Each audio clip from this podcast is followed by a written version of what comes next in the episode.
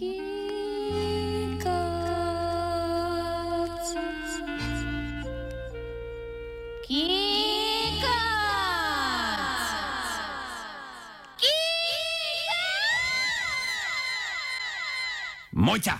tih bod, če ne boš ti pa šteta.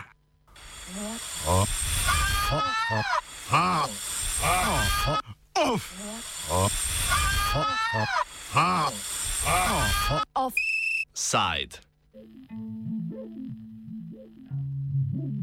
5G milijoni. Agencija za komunikacijska omrežja in storitve, krajše AKOS, je v prejšnjem tednu uspešno zaključila dražbo za dodelitev frekvenčnih pasov za zagotavljanje javnih komunikacijskih storitev, med katere vključuje tudi pasove namenjene zagotavljanju 5G. Agencija je operaterjem ponudila šest pasov za obdobje 15 let, ki pa se lahko v primeru spremembe zakonodaje podaljša za dodatnih pet. Pasovi so tehnološko neutralni z namenom zagotavljanja mobilnih storitev končnim uporabnikom, več o sami ponudbi pa pojasni Tanja Muha, direktorica Akosa. Sami dražbi so bile ponujene frekvence v pasu 700 MHz, 1500, 2100, 2300, 3600 in pa 26 GHz, pri čemer uh, so predvsem frekvence v pasu 700 MHz, 3600 in pa 26 GHz se omenjajo kot tudi kot pionirske frekvence za vzpostavljanje omrežja 5G. So pa v bistvu vse frekvence, reka, tehnološko neutralne, kar pomeni, da jih operaterji lahko uporabijo tudi za nadgradnjo obstoječih omrežij. Je pa za 2100 imajo operaterji že danes uh, v uporabi te frekvence ravno za te javne mobilne um, storitve, vendar se pač odločba o dodeli, njihovi dodelitvi steče v letošnjem letu, zato so bile poda, uh, dane na ta razpis. Um, 700 MHz je pa zdaj ponovno za mobilne, predtem um, so bile pa te frekvence namenjene za uh, prizemno uh, digitalno televizijo. Od sodelujočih operaterjev sta najviše dražila Telekom Slovenije in Telemah, ki sta sicer plačala enako ceno v višini približno 50 milijonov evrov, vendar je prvi za njo dobil več frekvenčnega spektra. V primerjavi z obema je A1 plačal 10 milijonov manj, a je zato vsoto pridobil le malo manj spektra v dveh pasovih 3600 MHz in 700 MHz. Najmanj pa je iz celotne dražbe iztržil T2, ki je za dve frekvenci v dveh pasovih, 2100 MHz in 2300 MHz, dražil v višini približno 18 milijonov evrov. Avtor in urednik, urednik Tehno Zvezdja Matjaš Ropret meni, da bi takšen izid lahko pripisali napačni strategiji draženja in oceni, da nezadovoljstvo T2 izhaja ravno iz izida dražbe. Sklepam iz rezultatov, verjetno so nezadovoljni, ker so pač dobili dosti malo spektra. Um, ali je to bilo načrtno ali zaradi kakšnih um, taktičnih napak med samim draženjem, um, ker v bistvu so dobili dosti malo in zato bodo tudi kar precej plačali če gledamo, koliko so recimo, koliko bodo ostali operaterji plačali, bodo ti dobili za svoj vložek, um, bistveno več spektra. Nisem presenečen nad nezadovoljstvom. V Evropi so slavne postale predvsem dražbe frekvenc tretje generacije, ki so potekale v začetku 2000-ih. Takrat so cene močno presegle pričakovane, še posebno v Veliki Britaniji, kjer je vlada iztržila skoraj 40 milijard evrov, in v Nemčiji, kjer so operaterji za frekvence plačali 50 milijard evrov. Hkrati so te visoke cene finančno izčrpale evropske operaterje, ki so takrat veljali za tehnološko najboljše na svetu. O slovenskih izkušnjah z dražbami frekvenc in poteku tokratne dražbe Tanja Muha. Gre tukaj šele za drugo to vrsto javno dražbo z več frekvenčnimi pasovi. Prva je bila leta 2014, ta je šele druga v bistvu v Sloveniji.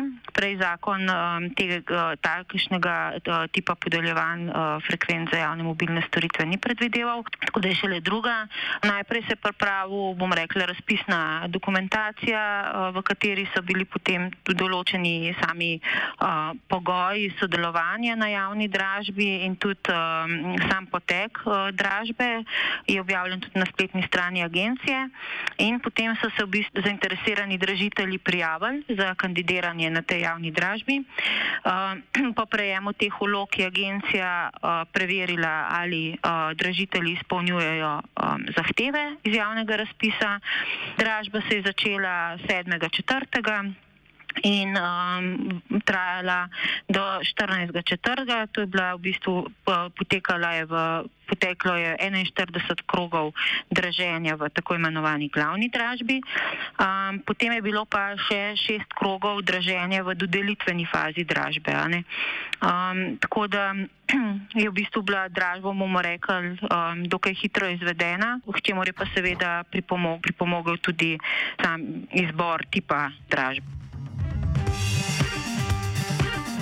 Potek dražbe je bil sicer zelo kompliciran. Na dražbi so bile namreč frekvence iz šestih pasov radijskega spektra. Pasovi se, kot rečeno, nahajajo na različnih koncih spektra. Više frekvence omogočajo boljši prenos podatkov, a imajo krajši domet. Nižje obratno nosijo manj podatkov, a sežejo dlje, zato so primerne za manj gosto poseljena območja. Posamezni pasovi so bili razdeljeni na še manjše segmente. Vsak večji operater za svoje omrežje potrebuje te segmente iz več različnih pasov, koliko pa je odvisno od njegovega podatkovnega prometa. Dražba je potekala tako, da so operaterji sicer kupovali posamezne frekvenčne pasove, hkrati pa so povedali, koliko frekvenc potrebujejo na drugih delih spektra in koliko so za nje pripravljeni plačati v medsebojni kombinaciji. Ključne cene so bile določene za vsak uh, frekvenčni pas posebej, in potem so v bistvu ti dražitelji znotraj dražbe uh, kombinirali, v bistvu bom rekla, te posamezne pasove glede na njihove potrebe, zato da bojo lahko tudi v prihodnje um, najbolj optimalno gradili, nadgrajevali svoje obstoječe mreže in zagotavljali uh, storitve končnim uporabnikom. Dražba mobilnih frekvenc je leta 2014 iztržila nekaj več kot 100 milijonov evrov. S tokratnim izkupičkom, ki je več kot dvakrat višji od izklicne cene 69 milijonov evrov, je državna blagajna torej lahko zadovoljna, kar pa niso bili edini cilji Akosa glede na cilje, ki smo si jih zastavili, uh, bil, je bil ta tip dražbe tudi najbolj ustrezen. Zasledovali smo predvsem tri cilje: zagotoviti tehnično učinkovito podelitev radiofrekvenčnega spektra, ohraniti učinkovito konkurenco med ponudniki in pa podeliti frekvenčni spektr po tržni ceni. Ropret meni, da večjih presenečenj, če upoštevamo razmere na slovenskem trgu ponudnikov mobilnih storitev, ni bilo. Štiri operaterji, kar uh, velik interes za te frekvence, um, tako da mislim, da kakšna huda senzacija ni. No. Dosti lep izkupiček za državni proračun. Pa mislim pa, da uh, lahko bi se kdo oglasil, da mogoče spet um, država pobrala preveč, um, pa bo pa operaterjem manj ostalo za investicije, ampak v preteklosti se je izkazalo, da podobni zneski niso bili prehud problem, tako da mislim, da tudi tokrat um, ni bilo kakšnih ekscesov. Cilj, kot pravijo na Akosu, ni bil doseči najvišjo ceno, ampak ujeti razmerje med ugodno ceno za državo in spodbujanjem operaterjev k investicijam v omrežje. En od uh, glavnih ciljev ne, podeljevanja teh frekvenc je bil prav podeliti frekvenčni spektr po tržni ceni, kar pomeni, um, določi se neke izklicne cene glede na samo karakteristiko um, frekvenc, potem pa v bistvu se sama tržna cena na koncu oblikuje ravno na tem, uh, povpraševanju operaterjev, ne dražiteljev. Se pravi, um, več kot so pripravljeni za to ponuditi, večji kot je interes, dlje držijo, potem je to tudi več krogov in z vsakim krogom se potem tudi zvišuje ta končna cena, um, uh, ki bo uh, in ki je potem plačana uh, za pridobitev teh frekvenc. Seveda smo pa istočasno upoštevali tudi um, samo naravo frekvenc, ki so omejena naravna dobrina in je treba za njo pač tudi slediti cilju, da se zaradi tega zagotovi njihovo tehnično učinkovito podelitev. Se pravi, da se ne prihaja do kopičenja teh frekvenc oziroma da se frekvence, ki bi se podelile, potem ne bi uporabljale. Ne? In zato smo potem tudi neke obveze dali uh, v sam razpis, ki jih bojo tudi v bistvu uh, um, operaterji, ki so pridobili te frekvence, uh, tudi morali spolniti. Po besedah Akosa so iztržene cene podobne povprečju Evropske unije. Tu so sicer razlike zelo velike. Glede na število uporabnikov je naprimer Finska svoje frekvence ravno z namenom spodbujanja gradnje omrežja prodala desetkrat ceneje kot Italija.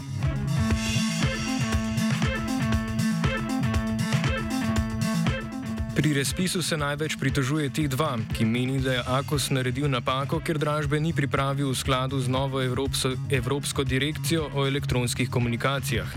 To bi morala država sprejeti do konca lanskega leta, a tega, tako kot še 24 drugih evropskih držav, še ni storila. Pravno mnenje je za T2 pripravil Matej Aubel in Akosu očita kršitev evropske zakonodaje. Direktorica Akosa Muha na to odgovarja. Agencija je pač že večkrat pojasnila, da so navedbe teh pravnikov, uh, ki navajajo, da agencija naj ne bi um, upoštevala uh, določil um, uh, direktiv, evropskih direktiv oziroma Evropskega zakonika na področju elektronskih komunikacij neresnične, ne držijo. Namreč agencija je v javnem razpisu z javno dražbo za podelitev teh frekvenc. Um, upoštevala tako veljavno zakonodajo, kot tudi duh in usmeritve direktive. Um, tako da v bistvu morebitni ponudniki na javnem razpisu, uh, ki je sedaj v teku, ne, um, tako ne bodo v ničemer prikrajšani. Telekom Slovenije je za zdaj edini operater, ki v enem od frekvenčnih pasov že ponuja storitev 5G v Sloveniji. Nad dražbo je tudi izrazil zadovoljstvo, saj meni, da lahko s pridobljenimi frekvenčnimi spektri tako zasebnim uporabnikom kot tudi podjetjem zagotovi boljše storitve v prihodnosti in s tem samo nadgradi že obstoječe obnežje 5G. Ali je to tehnično že izpopolnjeno ali ne, pa razloži Matjaž Ropret. Tehnično gledano je, je pa samo na enem frekvenčnem pasu. Um, jedrno mreže še ni čist nadgrajeno. Um, da, ko bodo še to nadgradili in potem postavili zadevo na več frekvenčnih pasovih, potem bo to tisti res.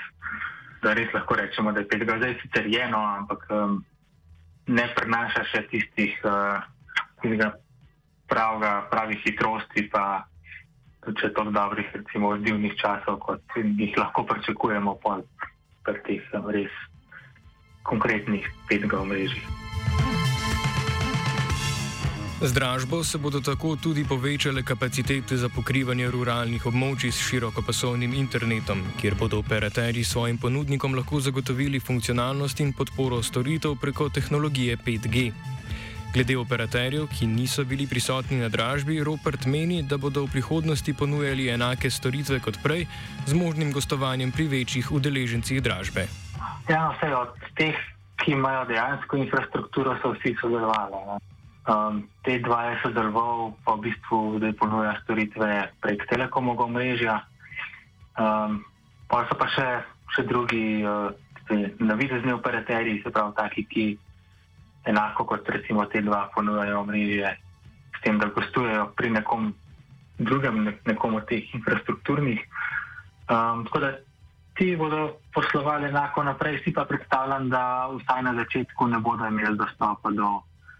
Eh, tehnologije 5G, da bodo to infrastrukturni operaterji nekaj časa poskušali zadržati zase kot neko svojo konkurenčno prednost. Kdaj pa bomo od dražbe odnesli tudi uporabniki, oceni Ropret?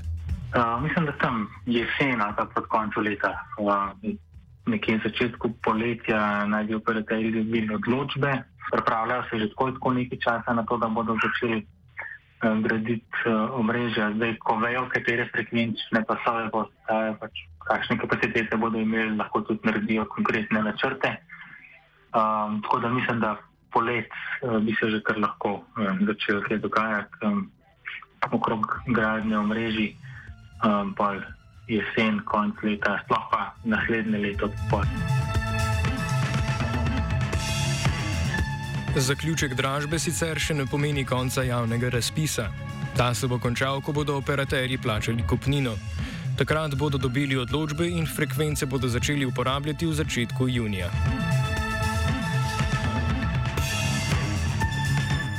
Offside sta pripravila vajenka Hanna in Gal.